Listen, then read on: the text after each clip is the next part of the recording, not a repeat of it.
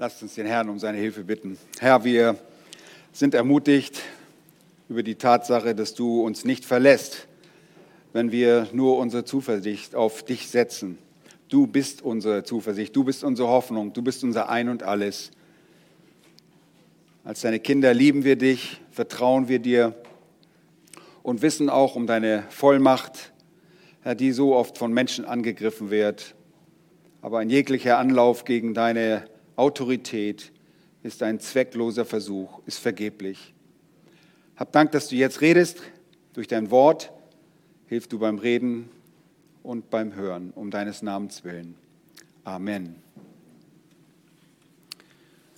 Ja, wie bekannt sind wir in der Passionswoche, in der Leidenswoche unseres Herrn Jesus Christus angekommen. Es ist Mittwoch in dieser Woche nach galiläischer Zeitrechnung. Und dieser Mittwoch hat einige interessante Ereignisse. Am Montag zog Jesus auf einem Eselsfüllen einer Eselin nach Jerusalem ein. Am Dienstag verfluchte er den unfruchtbaren Feigenbaum auf dem Weg in den Tempel, der ihm dann als ein anschauliches Beispiel oder eine Anschauungslektion der Fruchtlosigkeit der Juden diente. Und jetzt eben haben wir den Mittwoch und drei Tage später stirbt der Herr Jesus am Kreuz. Und Mittwoch, Donnerstag, Freitag aber er stirbt nicht am Freitag nach galiläischer Rechnung, sondern Freitag nach jüdischer Zeitrechnung. Nun, wie auch immer, die Zeitrechnung ist nicht das Entscheidende bei all dem. Es ist nur eine interessante Beobachtung, die sich aus dem Text ergibt. Nun, ich habe den Text von heute, der in Markus Kapitel 11 die Verse 27 bis 33 überschrieben mit Ein Anlauf gegen die Autorität des Königs ist zwecklos überschrieben. Und das ist wirklich so. Immer wieder erleben wir in unserer Gesellschaft, dass Menschen es mit Gott aufnehmen wollen. Wir selbst haben das auch schon in unserem Leben oft genug versucht. Äh, das ist zwecklos. Es ist unsinnig. Und ich möchte euch den Text lesen und Jesu Antwort auf den Anlauf des Hohen Rates euch zeigen und was wir alles Wunderbares lernen in dieser Begebenheit über unseren Herrn und über diesen sinnlosen Angriff, Anlauf. Ich lese aus der Schlachterübersetzung Markus 11 Abvers 27. Und sie kamen wiederum nach Jerusalem und als er im Tempel umherging, traten die obersten Priester und die Schriftgelehrten und die Ältesten zu ihm und sprachen zu ihm, in welcher Vollmacht tust du dies? Und wer hat dir diese Vollmacht gegeben, dies zu tun? Jesus aber antwortete und sprach zu ihnen, auch ich will euch ein Wort fragen. Wenn ihr mir antwortet, so will ich euch sagen, in welcher Vollmacht ich dies tue war die Taufe des Johannes vom Himmel oder von Menschen?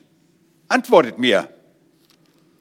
Und sie überlegten bei sich selbst und sprachen, wenn wir sagen vom Himmel, so wird er fragen, warum habt ihr ihm dann nicht geglaubt? Wenn wir aber sagen von Menschen, da, fürchten sie das, da fürchteten sie das Volk, denn alle meinten, dass Johannes wirklich ein Prophet gewesen war. Und sie antworten Jesus und sprachen, wir wissen es nicht. Da antwortete Jesus und sprach zu ihnen, so sage ich euch auch nicht, in welcher Vollmacht ich dies tue. Soweit der Text. Wir sehen einen Angriff der Feinde auf den König der Könige, den Retterkönig, der im Begriff ist, in Jerusalem zu sterben. Und das Erste, was wir sehen, ist eine boshafte Frage dieser religiösen Leiter nach der Vollmacht Jesu. Die Verse 27 und 28 sehen wir zunächst die Fragenden. Sehr deutlich, und sie kamen wiederum nach Jerusalem, und als er im Tempel umherging, traten die obersten Priester und die Schriftgelehrten und die Ältesten zu ihm. Und diese hier erwähnten Personengruppen machten den Hohen Rat Israels aus. Das sogenannte Sanhedrin, dieses höchste politische und religiöse äh, Gerichtsbarkeit, diese Gerichtsbarkeit, der Gerichtshof der Juden, bestand aus 71 Personen, die im Text genannten Personengruppen machten dieses Sanhedrin aus. Und an der Spitze dieses Sanhedrin stand der hohe Priester, der oberste Priester. Und das ist die erste Gruppe, die obersten Priester. Nicht einer, sondern die Mehrzahl. Und dazu gehörte der hohe Priester an der Spitze. Und trotz der politischen Ereignisse der vergangenen Jahrhunderte vor Christus hatte das Amt des hohen Priesters nicht an Ansehen verloren. Er stand an der Spitze des Rates und war der Einzige, der die kultischen Handlungen am Versöhnungstag verrichten konnte, um Sühne für das Volk zu erbringen. Und der alexandrinische Geschichtsschreiber Philo schreibt und unterstreicht die hohe Sicht, die man vom hohen Priester zu der Zeit Jesu hatte. Zitat Beginn. Der hohe Priester ist zwar mit anderen zusammen betrachtet nur wenig, viel aber, wenn er, wenn er allein da ist, er wird nämlich der ganze Gerichtshof, der ganze Rat, der ganz, das ganze Volk, die ganze Masse, das gesamte Menschengeschlecht, je mehr noch, wenn man die Wahrheit sagen soll, eine Art Mittelwesen zwischen Gott und Mensch. Zitat Ende. Nun, wir kennen den hohen Priester und die biblische Sicht des hohen Priesters im Alten Testament und dass auch unser Jesus Christus unser hoher Priester geworden ist. Nun, von der Bedeutung blieb in der Geschichte nicht ganz so viel übrig. Die hohen Priester waren leider sehr korrupt. Sie standen dennoch an der Spitze dieses Hohen Rates. Und dem hohen Priester im Rang folgend waren dann die anderen obersten Priester, die aus den Reihen der Aristokraten Jerusalems folgten, die sogenannten Fürsten, die betuchten Sadduzäer, die für den Tempel Sorge trugen und sich an den Geschäften, die darin betrieben wurden, auch noch bereicherten. Ich habe es erwähnt, die Wechseltische, die Verkäufe von Tieren, alles unterstand letztlich den Sadduzäern und diesen obersten Priestern. Unter ihnen befand sich auch der Stellvertreter des Hohenpriesters, ein Tempelhauptmann, ein Tempeloberst. Ihm wurde die gesamte Tempelanlage zur Aufsicht anvertraut und er war gewissermaßen auch der Ordnungshüter, die Tempelpolizei der Juden wenn ihr so wollt, derjenige, der sich mit den römischen Besatzern in der Burg Antonia, dort waren immer während der Feste besonders römische Einheiten stationiert, um für Ordnung zu sorgen, er musste sich mit diesen römischen Besatzern abstimmen, die, wie gesagt, vor allem bei den Festen große Bedeutung hatten, diese Besatzer, und die auch sehr äh, darauf achten, dass keine Unruhen entstanden. Wir sehen erstaunlicherweise bei der Tempelreinigung unseres Herrn Jesu, dass keine Autorität, weder jüdische Autorität noch römische Autorität eingreift. Und das spricht von Jesu außerordentlichen Vollmacht. Diese Vorsteher waren in Jerusalem ansässig, die obersten Priester. Sie äh, mussten alle obersten, äh, obersten Priester mussten die übrigen Priester zu Arbeiten anleiten. Sie mussten alle diensthabenden Leviten und vor allem auch die Standmannschaften für den Tempeldienst Anweisungen geben Und diese Standmannschaften sind Mannschaften, die eingesetzt werden, um jeweils für eine Woche äh, Dienst am Tempel zu tun. Davon gab es genau 24 Einteilungen. Und in diesen Standmannschaften gab es Priester, die dann für eine Woche den Dienst taten. Und nachdem sie den Dienst taten, durften sie wieder Jerusalem verlassen und sie wohnten in den übrigen Bezirken des Landes. Die obersten Priester waren an Jerusalem gebunden, denn sie mussten diese Standmannschaften überwachen. Das Zweite, was wir sehen, sind die Schriftgelehrten.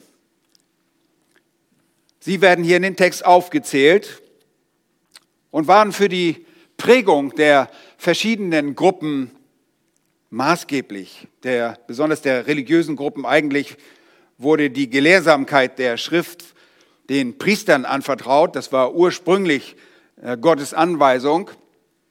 Aber nach dem Exil, nach dem babylonischen Exil, entwickelte sich das Schriften, Schriften, äh, Schriftgelehrtentum nicht dem gemäß, was Gott sagte.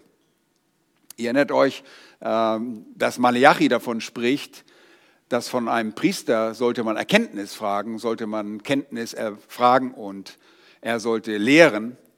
Aber das änderte sich in ein Schriftgelehrtentum und dafür wurden verantwortlich die Schriftgelehrten. Und alles nahm auch sehr, einen sehr guten Anfang und Esra, der Schriftgelehrte, war auch geradezu vorbildlich. Aber dann entfernte man sich von Generation zu Generation mehr und mehr von dem, was geschrieben steht. Und die mündliche Tradition machte sich breit in der sogenannten großen Synagoge, die man auf Esra zurückführte.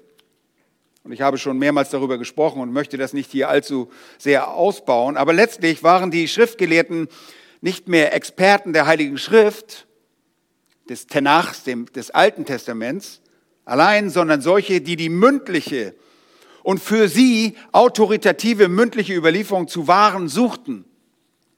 Sie warten die Erklärung und Anwendung der Schrift und entwickelten dadurch ein zusätzliches Lehrgebäude, für das sie verantwortlich waren. Und zur Zeit unseres Herrn Jesus Christus hatten sie schon länger nicht mehr an die Hinlänglichkeit des äh, Tanachs geglaubt und sich nicht mehr darauf verlassen, Sie hatten menschliche Traditionen hinzugefügt, wir haben das schon betrachtet, die in ihren Augen aber absolute Autorität besaßen. Sie leiteten auch die verschiedenen Gruppen der Pharisäer. Es gab wenigstens sechs verschiedene Pharisäergruppen und äh, sie standen dort oftmals an der Spitze. Einige der Schriftgelehrten waren Pharisäer. Sie hatten maßgeblichen Einfluss auf das, was dort äh, im Pharisäertum geschah.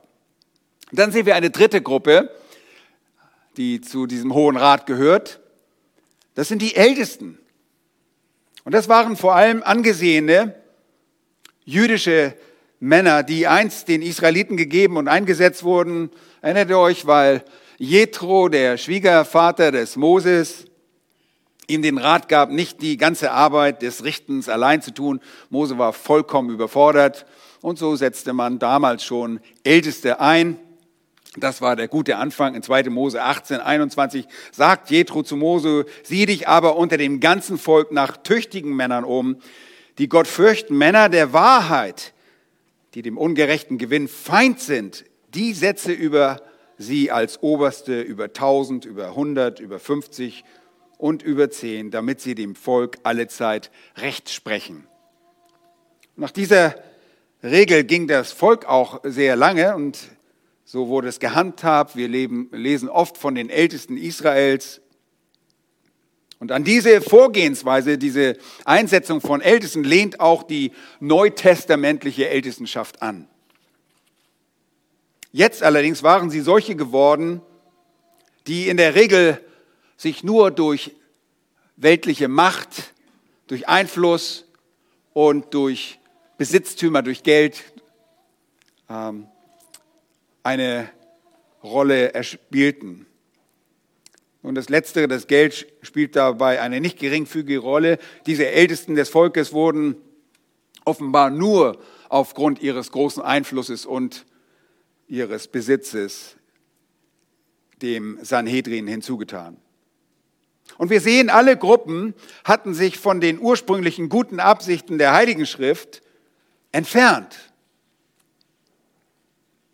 Nun, wo sehen wir diese Gruppe von Männern zuerst?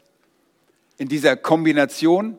Wir brauchen nur zurückgehen in Kapitel 8 und wir sehen Jesu erste Leidensankündigung. Er führt diese drei Personengruppen auf und er sagt, er würde diesen Gruppen übergeben werden und diese Gruppen würden ihn, den Heiden, überliefern. Kapitel 9 und 10. 9 ist äh, dann nicht ganz so deutlich, aber 10 äh, führt nochmal zwei Gruppen auf. Das ist der Sanhedrin. Und an der obersten Spitze stand Kaiaphas. Äh, der Vater ähm, Hannas hatte Jesus bei seinem Verhör, das werden wir noch sehen, äh, später zu Kaiaphas geschickt und Kaiaphas schickt Jesus zu Pilatus, Pilatus zu Herodes und Herodes schickt ihn wieder zurück zu Pilatus, bis Pilatus die Nase voll hat und sagt, kreuzige ihn. Er gibt, sie, er gibt Jesus an die Juden zur Kreuzigung frei. Nun, womit begegnen diese Männer Jesus jetzt? Nun, wir sehen immer wieder zuvor, dass vereinzelte Gruppen aus dem Hohen Rat mit Jesus zu tun hatten. Zum Beispiel in Markus 3 kamen die Schriftgelehrten aus Jerusalem nach Galiläa, weil sie Jesus schon zu der Zeit ergreifen und töten wollten und Jesus ihnen schon von Anbeginn an ein Dorn im Auge war. Womit begegnen sie Jesus hier? Sie kommen mit einer vorgeschobenen, bösartigen Frage. Woher weiß ich, dass sie bösartig ist? Warum sie böse ist? Warum sie nicht ernst gemeint ist? Weil wir im Kontext zuvor lesen, dass sie die Absicht haben, ihn umzubringen. Das sehen wir gleich noch. Sie starten in Wirklichkeit einen Angriff auf seine Person und seine Autorität. Deshalb als zweites, was ist der Inhalt der Frage? Der Inhalt der Frage ist ein Angriff gegen ähm, über die gegebene, die verliehene Vollmacht Jesu. In welcher Vollmacht, fragen Sie, tust du dies? Und wer hat dir diese Vollmacht gegeben, dies zu tun? Nun, sie wussten um seine Vollmacht. Sie kannten seine Autorität. Und das ist das Wort Exousia, griechisch, und es spricht davon, eine Fähigkeit zu besitzen, beziehungsweise die Freiheit zu haben, zu bestimmen. Es ist die Freiheit zu handeln und zu reden und zu handeln, wie man will. Okay? Die Freiheit zu reden und zu handeln, wie man will, ist wirklich Vollmacht, ist Exousia. Sie hätten erlebt, wozu Jesus imstande war. Nun, bei Jesus ist sie die vollkommene Gewalt und Macht, dass man das, was man sagt, auch tun, zu tun vermag. Das hatten sie festgestellt und die absolute Wahrheit zu sprechen, das haben sie bei Jesus gesehen. Autorität besaßen diese Männer des Hohen Rates auch, für die ihnen bestimmten Zwecke in dem Volk. Man verleiht Autorität. Höhere Instanzen verleihen Autorität. Sie konnten bestimmen, aber nicht gewährleisten, dass man ihnen folgte. Diese Männer des Hohen Rates saßen zusammen, ratschlagten und trafen auch Entscheidungen, aber sie konnten nicht dafür sorgen, dass das, was sie entschieden, auch tatsächlich eintraf oder getan wurde. Sie konnten richten und hatten ein gewisses Maß an Handlungsgewalt. Jetzt aber kommt Jesus und er demonstriert ihnen gegenüber, was wahre und erhabene Autorität bedeutet. Und Johannes Markus hebt das in seinem ganzen Evangelium deutlich hervor. Wir lesen bereits im ersten Kapitel, Vers 22 im Markus Evangelium, Markus 1 und Vers 22 heißt es, dass er außerordentliche Worte sprach. Da heißt es, und sie, das ist die Versammlung in der Synagoge, in der Jesus lehrte, erstaunten über seine Lehre, denn er lehrte sie wie einer, der Vollmacht, Exousia hat. Und nicht wie die Schriftgelehrten. Hier sehen wir die Gegenüberstellung. Jesus spricht mit Vollmacht, wie einer, der Vollmacht hat, nicht wie die Schriftgelehrten. Jesus war ihnen überlegen, denn er sprach mit absoluter Autorität, denn er ist Gott und jedes seiner Worte war Gottes Wort. Erinnert euch daran, ich sage das öfter. Alles, was Jesus sagte, muss zwangsläufig Gottes Wort sein, weil er Gott ist. Denn wenn Gott spricht, dann ist es genau das, Gottes Wort. Die Schriftgelehrten hätten sicherlich ein gewisses Maß an Autorität besitzen können, aber es wäre eine durch den Tenach entstandene, wenn sie tatsächlich Lehrer des Wortes gewesen wären. Aber da sie von den Lehren des Tenachs abdrifteten und sich entfernten, war auch das, was sie lehrten. Jesus sagte einmal, lehre Menschengebote und somit ohne jegliche Vollmacht, keine Autorität. Wir lesen weiter in Kapitel 1 im Markus Evangelium, Vers 27 sehen wir, dass das die Autorität, die Vollmacht Jesu nicht nur sich auf Worte beschränkt, so jetzt haben wir die Worte gesehen, die Lehre, aber er tut es auch durch seine Werke. Jesus treibt in der Synagoge nämlich einen unreinen Geist aus, dem Leben eines Mannes aus. Und als Folge heißt es dort, und sie erstaunten alle, sodass sie sich untereinander fragten und sprachen, was ist das? Was für eine neue Lehre ist dies? Mit Vollmacht gebietet er auch den unreinen Geistern und sie gehorchen ihm. Hier war ein Wort kombiniert mit einem Werk. Er spricht und es geschieht. Seht ihr, Jesus lehrte die Wahrheit und besaß immer die Fähigkeit und Freiheit, die Vollmacht durch Werke zu untermauern. Dann kommen wir zu Markus Kapitel 2.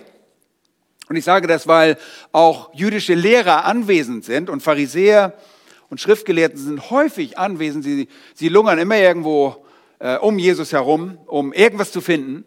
Sind immer auf der Lauer, ihm auch zu versuchen und irgendwas zu finden, womit sie ihn anschwärzen können und ihn überführen konnten. In Kapitel 2 geht es gleich weiter und er zeigt dort seine Exousia, indem er einen Lahmen heilt. Indem Jesus einfach nur diesen lahmen Mann, diesen Gelähmten, gesund spricht und ihn auffordert, nach Hause zu gehen. Gleichzeitig macht Jesus in den Versen 1 bis 10 deutlich, dass er der Sohn Gottes ist, der die Vollmacht besitzt, die Sünde zu vergeben.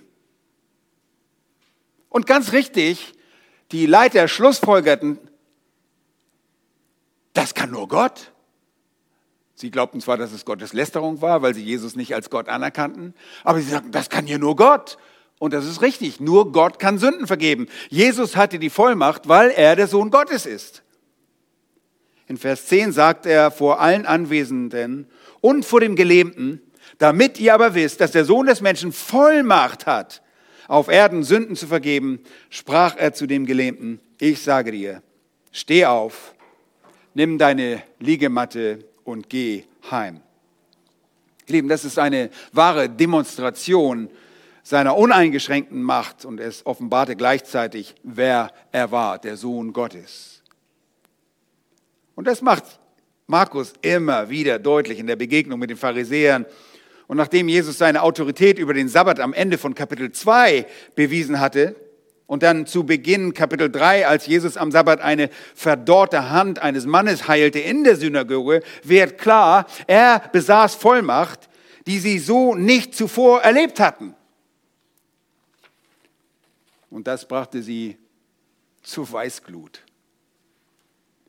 Die Pharisäer zusammen mit den Herodianern ersinnen einen Tötungskomplott, planen eine Verschwörung zur Tötung Jesu schon in Kapitel 3 des Markus-Evangeliums.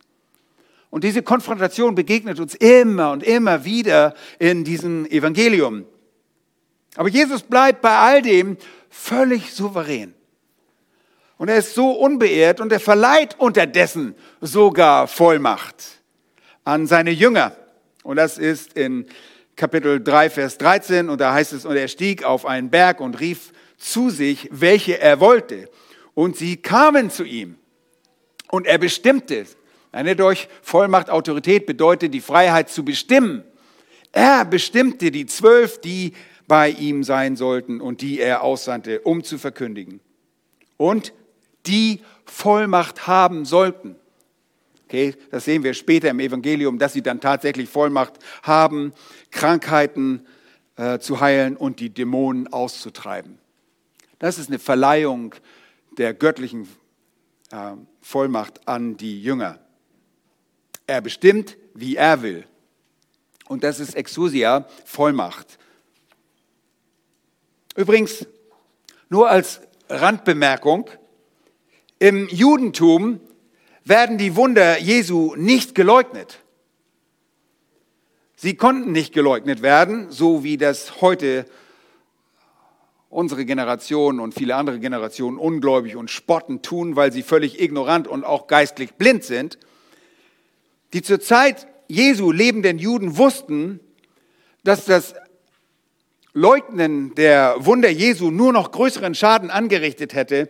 Und so schreiben sie in ihrem Talmud, dieser mündlichen Überlieferung, dem Herrn einfach nur magische Kräfte zu, Zauberkräfte, die er aus seinem Aufenthalt aus Ägypten mitgebracht haben sollte. Also er war in ihren Augen ein Zauberer und Verführer, ein Hurensohn und ein Antitypus des Biliam. Also das Gegenstück zu Biliam im Neuen Testament. Er war einfach ein Mann unter satanischem Einfluss. Und dieses Urteil erlauben sich dann auch die Jerusalemer Schriftgelehrten. Bitte bleibt mal in äh, Markus Kapitel 3 und dort in Vers 22 sehen wir, dass dort die Jerusalemer Schriftgelehrten anwesend sind. Und die Schriftgelehrten, die von Jerusalem gekommen waren, sprachen, er hat den Beelzebul und durch den Obersten der Dämonen treibt er die Dämonen aus. Seht ihr, sie zweifeln nicht an, dass die Wunder tatsächlich stattfanden. Selbst die Auferstehung des Lazarus konnten sie nicht leugnen. Überall wurde das bezeugt. Und nach jüdischem Gesetz braucht man nur zwei oder drei Zeugen und dann war es wahr. Und sie wussten nicht, was sie tun sollten. Und somit hatte Jesus in ihren Augen zwar Macht, aber diese hatte eben teuflischen Ursprung, dämonische Vollmacht. Das schreiben sie ihm zu. Und ihr wisst, dass trotz aller Offenbarung, obwohl sie genau wissen, laut Nikodemus, der bei Nacht zu Jesus kommt in Johannes 3, dass äh, keiner solche Zeichen tun konnte, es sei denn, Gott ist mit ihm, sie die Sünde wieder den Heiligen Geist. Sie sind überführt von der Wahrheit, aber sie leugnen ihn und schreiben Jesus teuflische Kräfte zu. Nun, wir wissen natürlich besser, und Jesus stellte es auch immer wieder unter Beweis, dass er absolute Gewalt, Vollmacht besaß und noch besitzt. Warum hat er sie immer noch? Weil Jesus Christus gestern, heute und auch zukünftig derselbe sein wird. Er ist immer noch derselbe, der er war vor Zeiten. Und dann in Markus Kapitel 4 sehen wir dann auch seine Autorität über die Natur. Die Sturmstellung lässt selbst die staunenden Jünger nach Luft japsen. Er befahl dem Wind und er bedrohte den Wind, wie er den Dämon in Kapitel 1, Vers 25, das ist genau das Wort, bedrohte. Und der Wind gehorchte ihm. Ihr Lieben, diese Feinde kannten den Herrn, auch wenn sie die Sturmstellung nicht mitbekamen. Sie kannten seine verliehene Autorität. Hier war jemand, den sie nicht leiden konnten, denn er ist die Autorität schlechthin, die ultimative Autorität dem aber dennoch, weil Gott im Fleisch Vollmacht verliehen wurde. Jesus wurde tatsächlich Vollmacht verliehen, weil er Gott in der, im Fleisch ist. Jesus sagt von sich am Ende, und wir kennen diesen Vers sehr, sehr gut, weil er das, den Missionsbefehl einleitet. In Matthäus Kapitel 28 und Vers 18 heißt es, Jesus trat herzu zu seinen Jüngern, das waren die elf Jünger, die dort anwesend waren in Galiläa, redete er mit ihnen sprach, mir ist gegeben alle Vollmacht. Und dann führt er hinzu, im Himmel und auf Erden. Wie viel Vollmacht? Alle Vollmacht. Das ist die ultimative Autorität. Vollmacht der Superlative. Und diese wurde ihm in der Tat verliehen und darum ist Jesus erhaben über alle Schöpfung. Paulus schreibt in Epheser 1 und ab Vers 20, dass Jesus vom Vater auf den Thron zu seiner Rechten gesetzt wurde. Vers 21, hoch über jedes Fürstentum und jede Gewalt, Macht und Herrschaft und jeden Namen, der genannt wird.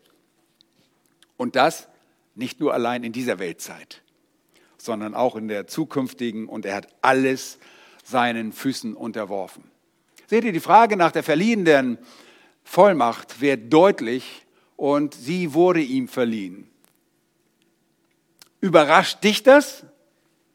Nein, denn wir wissen schon, dass Jesus der Sohn Gottes ist. Er ist Gott. Allerdings wollten und wollen das die meisten Juden auch heute nicht wahrhaben. Stattdessen nennen sie Jesus einen Zauberer und Verführer. Nun, wir hatten das Privileg zu hören und zu sehen, wie Jesus seine Gottessohnschaft durch seine Worte und Werke unter Beweis stellte. Und wir könnten nochmals durch das ganze Evangelium gehen und jeden Bereich des Lebens und jeden Bereich seiner Autorität erkennen. Äh, wenn ihr das mal tun wollt, äh, eins der hervorragendsten und herausragendsten Kapitel über die Autorität Jesu ist äh, Matthäus Kapitel 8 und 9. Dort ist die größte Ansammlung der Wunder Jesu überhaupt. Da finden wir jeden Bereich seiner Autorität aufgelistet. Nun, aber es reicht hier, dem Wort Gottes in diesen wenigen Stellen zu glauben. Und das sagt, dass Jesus alle Macht besitzt. Wie im Himmel, so auch auf Erden. Und im Psalm 21, die Verse 1 und 2, die wir in der vergangenen Gebetsstunde uns angesehen haben, heißt es, Jahwe gehört die Erde und was sie erfüllt, der Erdkreis und seine Bewohner, denn er hat ihn gegründet. Er hat ihn gegründet über den Meeren und befestigt über den Strömen. Ihr Lieben, alles gehört ihm, denn er ist der Schöpfer aller Dinge. Jesus ist Jahwe. Wenn im Alten Testament von Jahwe die Rede ist, dann ist es der dreieine Gott und dazu gehört der Sohn, Jesus. Jahwe Jesus. Und dieser, sagt die Schrift, ist das Ebenbild des unsichtbaren Gottes, der Erstgeboren, der über alle Schöpfung ist. Denn in ihm ist alles erschaffen worden, sagt Paulus im Kolosserbrief. Und zwar was im Himmel und was auf Erden ist, das Sichtbare und das Unsichtbare, seines Throne oder Herrschaften oder Fürstentümer oder Gewalten. Alles ist durch ihn und für ihn geschaffen. Nun, Jesus redete und tat das, was er von seinem Vater bekommen hatte. Wenn ihr mal das äh, Johannesevangelium lest, dann fällt euch das immer wieder auf. Jesus tut nichts, es sei denn, dass er das von seinem Vater erhalten hatte und bei seinem Vater gesehen hatte. Da lesen wir als Beispiel in Johannes 5, 36, ich aber habe ein Zeugnis, das größer ist als das Zeugnis des Johannes, des Johannes der Täufer, denn die Werke, die mir der Vater gab, dass ich sie vollbringe, eben die Werke, die ich tue, geben Zeugnis von mir, dass der Vater mich gesandt hat. Seht ihr, in seiner Autorität ist er gekommen. Und Johannes 8, Vers 38 heißt es, ich rede, was ich bei meinem Vater gesehen habe. Und dann in Johannes Kapitel 10, 25 und 26, Jesus antwortete ihnen, das ist in Juden, ich habe euch gesagt und ihr glaubt nicht. Die Werke, die ich tue im Namen meines Vaters, diese geben Zeugnis von mir, aber ihr glaubt nicht. Ihr erinnert euch noch an den letzten Abschnitt, die Tempelreinigung und äh, am nächsten Tag kommen äh, die Jünger mit Jesus wieder an dem vertrockneten Feigenbaum vorbei und Petrus erinnert sich und er zeigt auf den verdorrten Feigenbaum und man erwartet eine Antwort, eine Erklärung Jesu und er sagt, glaubt an Gott. Habt Glauben an Gott. Sie glaubten nicht. Sie waren nicht im Segen Gottes, weil sie nicht glaubten. Die Juden glaubten nicht. Aber der Segen wird erfahrbar durch den Glauben an unseren Gott. Und er sagt in Johannes 10 weiter, die Werke, die ich tue im Namen meines Vaters, diese geben Zeugnis von mir. Ihr aber glaubt nicht, sagt er zweimal, denn ihr seid nicht von meinen Schafen, wie ich euch gesagt habe. Und ihr Lieben, habt ihr Zweifel an der Vollmacht Jesu? Dann glaubt ihr nicht. Dann seid ihr ungläubig, dann seid ihr noch in euren Sünden. Sie hatten offenbar diese unberechtigten Zweifel aber lasst uns mal sehen, was der unmittelbare Anlass für die Frage war. Das ist Punkt C, der unmittelbare Anlass. Und das sehen wir in den Versen 15 bis 18, was der Anlass war. Ähm, hier geht es in der Frage hervor. Sie fragen, in welcher Vollmacht tust du dies? Äh, das ist das Wort Tauta. Ein Demonstrativpronomen und es weist auf etwas hin, was gerade geschehen sein muss. Es weist meines Erachtens zunächst auf die nahelegende Tempelreinigung einen Tag vorher. Wieso machst du das? Mit welchem Recht kommst du hier in den Tempel und räumst hier einfach auf? Es ist erstaunlich, dass es jetzt erst kommt, nächsten Tag. Aber am nächsten Tag wandert Jesus wieder im Tempel herum und sie kommen auf ihn zu. Sie fassen allen Mut. Und die Tempelreinigung war der unmittelbare Anlass, Sie hatten sicherlich mehrere Gründe zu kommen, dass sie sich zusammenrauften und als Abgeordnete des Hohen Rates diese Frage zusammenstellen. wir wissen, dass diese Tempelreinigung sie am Nerv getroffen haben musste. Denn der Tempel, so glaubten sie, das war ihr Revier. Das war doch ihre Verantwortung. Und da kommt dieser ungelehrte ja, ungelehrte Rabbiner, der, ja, der, den würden sie nicht mal so bezeichnen, manchmal haben sie ihn so bezeichnet, aber dieser, dieser Hurensohn von, aus einer unehelichen Beziehung, der da rankommt, dieser Verführer kommt und er mischt sich ein. Das ist der unmittelbare Kontext und auch der, der Anlass. Und der weitere Anlass ist sicherlich, dass sie schon sehr wütend waren. Wir lesen ja immer wieder, dass sie äh, irgendwelche Mordpläne haben, aber sie kommen nicht an Herrn Jesus ran, weil seine Zeit noch nicht gekommen war, weil er die Autorität hatte und es war noch nicht seine Zeit. Das ist der Anlass. Aber was war die Motivation hinter der Frage? Punkt D. Schaut einmal zurück auf Vers 18. Ich habe es gerade schon erwähnt. Und die Schriftgelehrten, die obersten Priester hörten es, was dort geschah, nämlich im Tempel wie sie ihn und sie suchten, wie sie ihn umbringen könnten.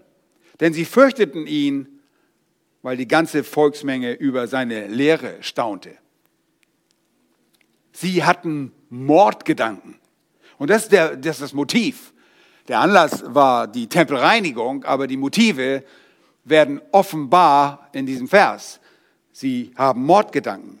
Das sind die Gedanken, die aus dem Herzen der Menschen kommen der unerlösten Menschen. Sie kommen auch aus unseren Herzen. Ein weiterer Gedanke, der später offenbar wird, äh, als Pilatus sich dazu äußert, warum Jesus ausgeliefert wird. Pilatus stellt immer wieder fest, ich finde keine Schuld an ihm, ich finde keine Schuld an ihm. Und er wusste, Kapitel 15, dass sie ihm aus Neid überliefert hatten. Er wusste von den Juden, sie wurden Jesus wurde nur aus Neid überliefert. Das ist die Motivation. Sie sind neidisch. Sie haben gesehen, die ganze Volksmenge staunte über seine Lehre und sie waren einfach nur neidisch und waren fuchsteufelswild. Sie waren voller Weißglut und sie wollten ihn nur umbringen. Aber sie konnten es nicht. Und dann wenig später beschließen sie bloß nicht an diesem Fest, ja nicht an dem Passafest, damit keine Unruhe entsteht. Dann greifen die römischen Autoritäten ein und dann würden sie ihre Privilegien als Juden verlieren. Und das wollten sie unter allen Umständen vermeiden. Und genau dann sagt Jesus, jetzt werde ich sterben. Nun, sie konnten sich nicht damit abfinden, dass Jesus mit ihrer Autorität beim Volk konkurrierte. Und es wurden, wenn ihr mal seht, und deshalb von der Motivation kommt, es war keine aufrichtige Motivation, wir sehen niemals eine ernst gemeinte oder eine aufrichtige Gruppenfrage der religiösen Leiter an Jesus gerichtet. Vereinzelt war das vielleicht der Fall. Nikodemus, deshalb kam er auch bei Nacht. Aber nie eine Gruppefrage, äh, Gruppenfrage, die ernst zu nehmen war. Es war niemals eine ernste Frage, dass sie sagten, Jesus, bitte belehr uns doch mal, wir müssen etwas von dir lernen. Sie fragten vielmehr, um Jesus zu versuchen, ihn auf seine Makellosigkeit zu prüfen, wie wir es sagen würden. Aber nun schaut mal, wie Jesus geschickt mit aller Weisheit mit diesem Anlauf gegen seine Autorität umgeht. Und das ist der zweite Punkt, eine fordernde Gegenfrage bezüglich der Vollmacht äh, des Johannes. Eine Gegenfrage. Hier ist die Bedingung für eine Antwort Jesu. Da heißt es Vers 29, Jesus aber antwortete und sprach zu ihnen, ha, ihr merkt, er dreht sofort den Spieß um. Auch ich will euch ein Wort fragen. Wenn ihr mir antwortet, so will ich euch sagen, in welcher Vollmacht ich dies tue. Und zur Betonung im nächsten Vers, Vers 30, in der zweiten Hälfte, sagt er, antwortet mir. Merkt ihr, Jesus nimmt das Heft in die Hand, er dreht den Spieß in die richtige Richtung und er weiß schon, dass er keine Antwort erhalten wird und er betont deshalb, antwortet mir. Und das war seine Bedingung. Er sagt, wenn ihr mir das beantwortet, dann gebe ich euch auch die Antwort darauf, in welcher Vollmacht ich das tue. Er stellt die Bedingung.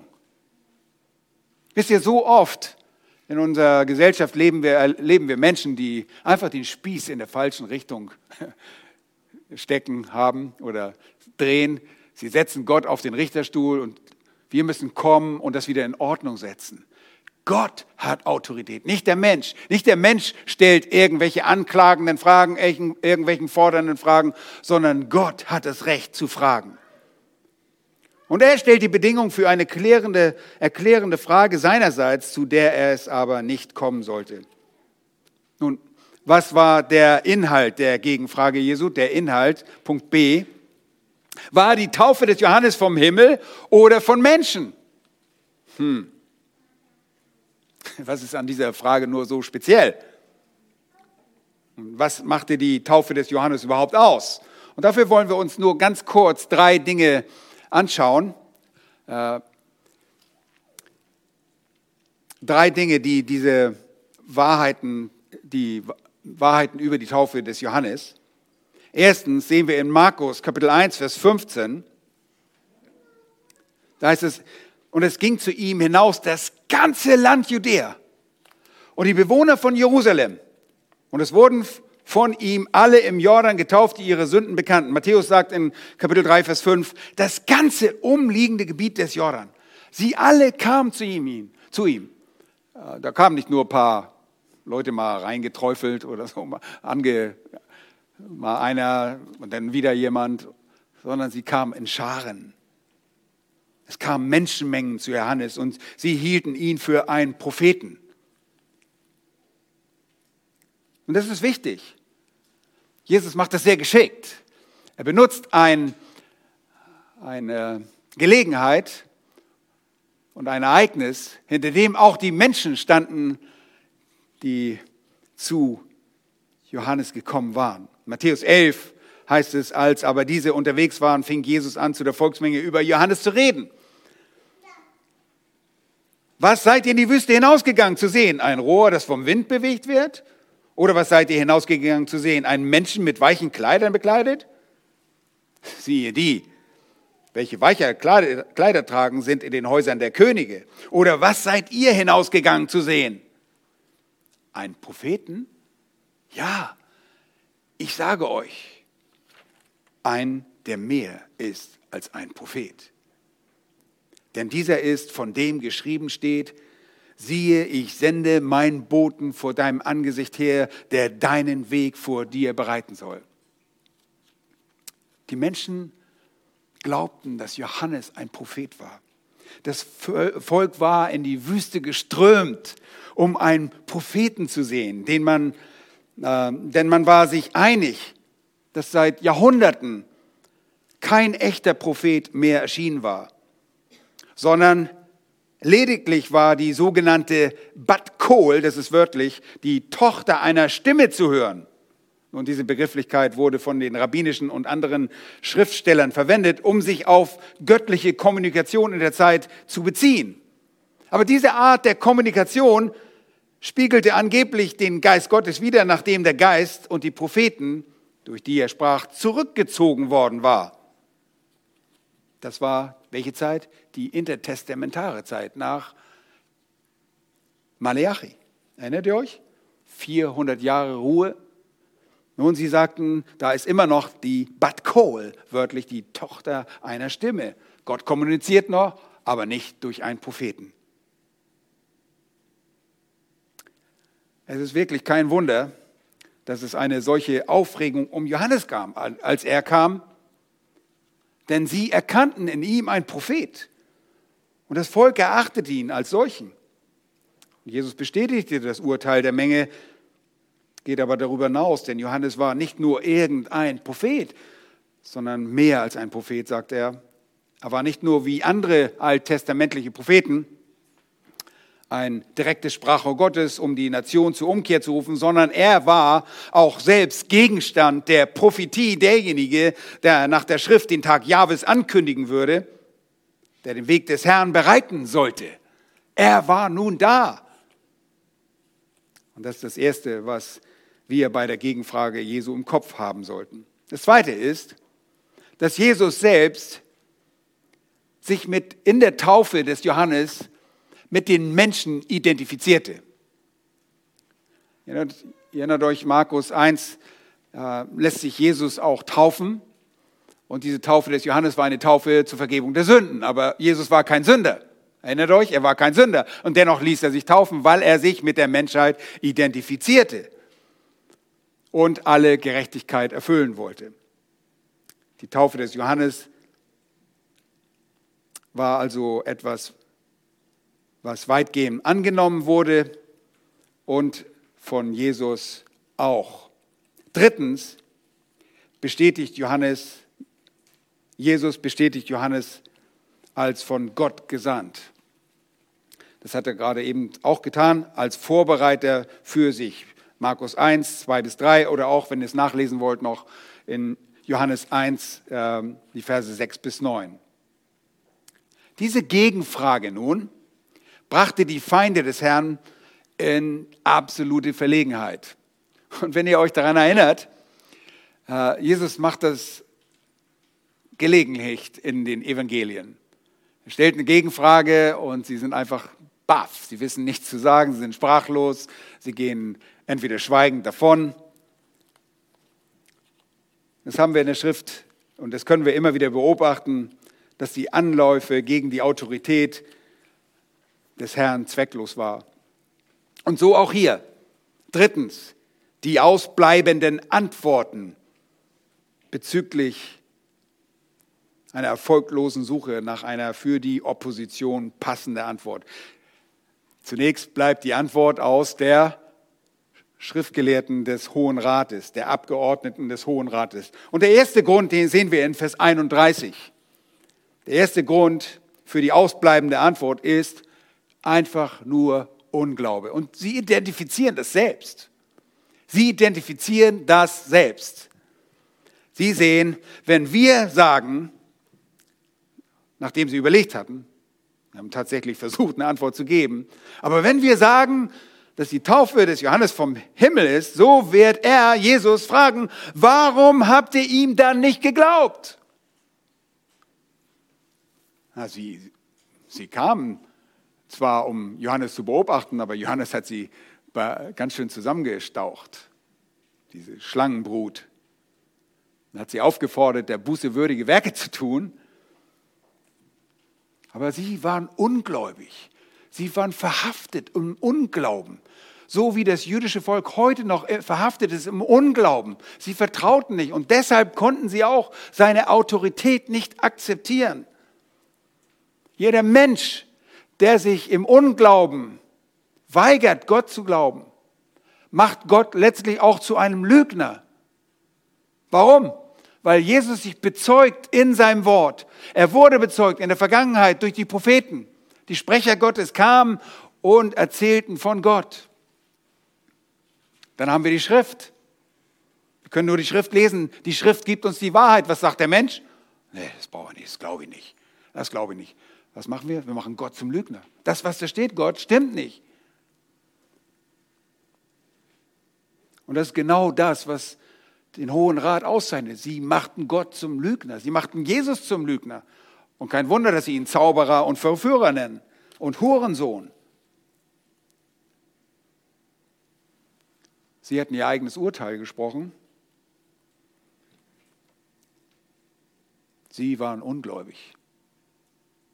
Sie wussten ganz genau, wenn wir sagen vom Himmel, Johannes kam vom Himmel, dann kommt Jesu Gegenfrage, warum habt ihr Johannes nicht geglaubt? Hm, jetzt gibt es noch eine Alternative. Himmel und Erde. Ne? Zweiter Grund für die ausbleibende Antwort ist Menschenfurcht. Absolute Menschenfurcht. Wenn wir aber sagen von Menschen, jetzt hört es auf, was immer sie gesagt haben müssen, Johannes, äh, Markus, Johannes Markus, fasst das zusammen. Da heißt es, da fürchteten sie das Volk. Also, er sagt nur von Menschen. Wenn wir aber sagen von Menschen, und vielleicht haben sie gesagt, naja, Mensch, meine Güte, wir können doch nicht sagen, dass, der, äh, dass die Taufe des Johannes von Menschen war. Die machen uns ja fertig. Das, dieses Volk, dieser Pöbel wird uns, der, der wird uns lynchen. Ja, die werden uns lynchen, die werden uns hier, was weiß ich, entmachten. Das antizipierten sie, das erwarteten sie einfach. Denn alle meinten, dass Johannes wirklich ein Prophet gewesen war. Wie könnt ihr sagen, das von Menschen? Wir sehen hier nicht die tatsächlichen Worte dieser Gruppe von Leitern, sondern eine Zusammenfassung, die uns Johannes Markus gibt. Und sie werden einiges beraten haben. Sie werden sicherlich länger ihre Köpfe zusammengesteckt haben. Und das ist interessant. Das sind Parteiungen, die normalerweise gegeneinander argumentierten. Ja, in dem Sanhedrin wurde sehr viel debattiert. Sechs verschiedene, mindestens sechs verschiedene Gruppen von Pharisäern, die Sadduzäer, die waren sich in einigen Punkten überhaupt nicht einig. Und dann die Ältesten, verschiedene Älteste, solche, die sich auf die Schrift und die Tradition etwas einbildeten, die mussten miteinander auskommen. Jetzt waren sie sich einig. Wie wir zuvor schon sehen, sind die Pharisäer sogar mit den Herodianern übereingekommen und schmiedeten einen Mordkomplott, weil sie einen gemeinsamen Feind haben. So auch hier, sie fürchteten das Volk. Unter der Leitung des Heiligen Geistes schreibt Johannes Markus, da fürchteten sie das Volk. Anstelle einer mutigen und einer ehrlichen Antwort kommt was? C, ein fauler Kompromiss, vorgetäuschte Unwissenheit. Der faule Kompromiss. Das ist einfach nichts anderes als vorgetäuschte Unwissenheit. Vers 33a, und sie antworteten und sprachen, wir, wir wissen das nicht. Nee, also, keine Ahnung. Cowards, wie sagt man, Feiglinge, richtige Feiglinge.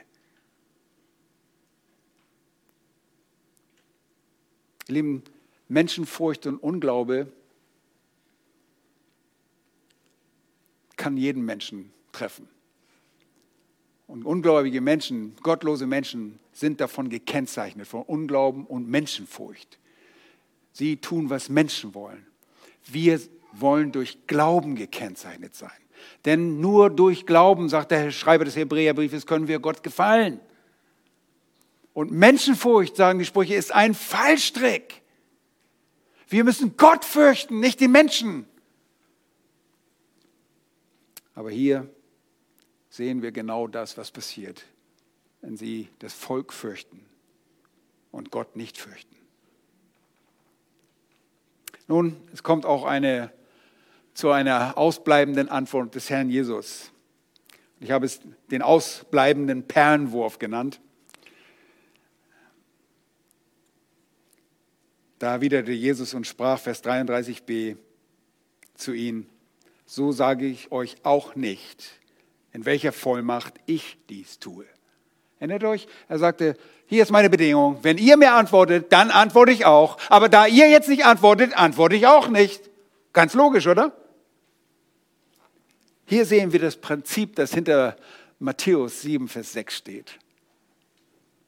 Gebt das Heilige nicht den Hunden und werft eure Perlen nicht vor die Säue, damit diese sie nicht mit ihren Füßen zertreten und jene sich nicht umwenden und euch zerreißen. Jesus zeigt, wie es gemacht werden sollte. Wenn verhärtete Menschen die Antworten nur gebrauchen, um den Gläubigen zu zerreißen, okay, dann behaltet die Wahrheiten für euch. Dann tut lieber das, was der Herr Jesus Christus getan hat. Und er hielt sich an Sprüche Kapitel 26, die Verse 4 und 5. Antworte den Narren nicht nach seiner Narrheit, damit du ihm äh, gleich wärst. Antworte aber dem Narren nach seiner Narrheit, damit er sich nicht für weise hält. Keine Antwort. Das war seine Antwort. Keine Antwort ist eine Antwort. Jesus lässt sie als Narren auffliegen. Ihr Lieben, und das ist der Herr Jesus Christus, der immer respektvoll mit Menschen umgeht, der Menschen zu sich einlädt. Aber da, wo Menschen verhärtet sind, wo er sie sich selbst überlassen hat, wo sie wieder den Heiligen Geist gesündigt haben, weil sie volle Erkenntnis hatten, bei voller Evidenz, dass er der Sohn Gottes ist, dann gibt er sie dahin. Und er antwortet ihnen nicht. Und später sehen wir das auch. Er wird befragt. Und es gibt Zeiten, wo er einfach keine Antwort gibt. Er antwortet nicht. Er schweigt. Pilatus denkt, man, Weißt du nicht, was ich für Autorität? Ich könnte dich freilassen. Meine Güte, weißt du, Jesus sagt, weißt du was, du hast keine Autorität. Du hast nur Autorität, weil sie dir von oben gegeben worden ist. Leben jeglicher Anlauf gegen die Autorität unseres Gottes, unseres Herrn Jesus Christus, ist zwecklos. Und die einzige logische Konsequenz aus dem, was wir hier über Jesus lernen und über die ganze Geschichte lernen, ist, dass wir uns ihm im Allen unterwerfen. Er hat die Macht, das zu tun, was er sagt. Und das hat er bisher immer getan. Und ihr denkt, aber er stirbt doch. Genau, weil er es geplant hatte. Absolut souverän geht er durch seinen Dienst und er stirbt genauso, wie er das geplant hatte, weil er absolut göttliche Autorität besaß und besitzt. Er hat sie nicht abgegeben. Er hat seinen Löffel nicht abgegeben. Er hat seine Autorität nicht abgegeben, sondern er besitzt sie. Er sitzt zu Rechten des Thrones, hoch über jeder menschlichen Autorität. Und deshalb, wenn du Amok läufst gegen die Autorität des Königs, dann rufe ich dich auf, beuge dich ihm. Beuge dich ihm. Beuge dich ihm jetzt denn du wirst es in der Zukunft tun müssen. Beuge dich ihm jetzt, sei ihm gehorsam, folge ihm, damit du nicht ein elendes Ende nimmst wie diese geistlichen Leiter des Volkes.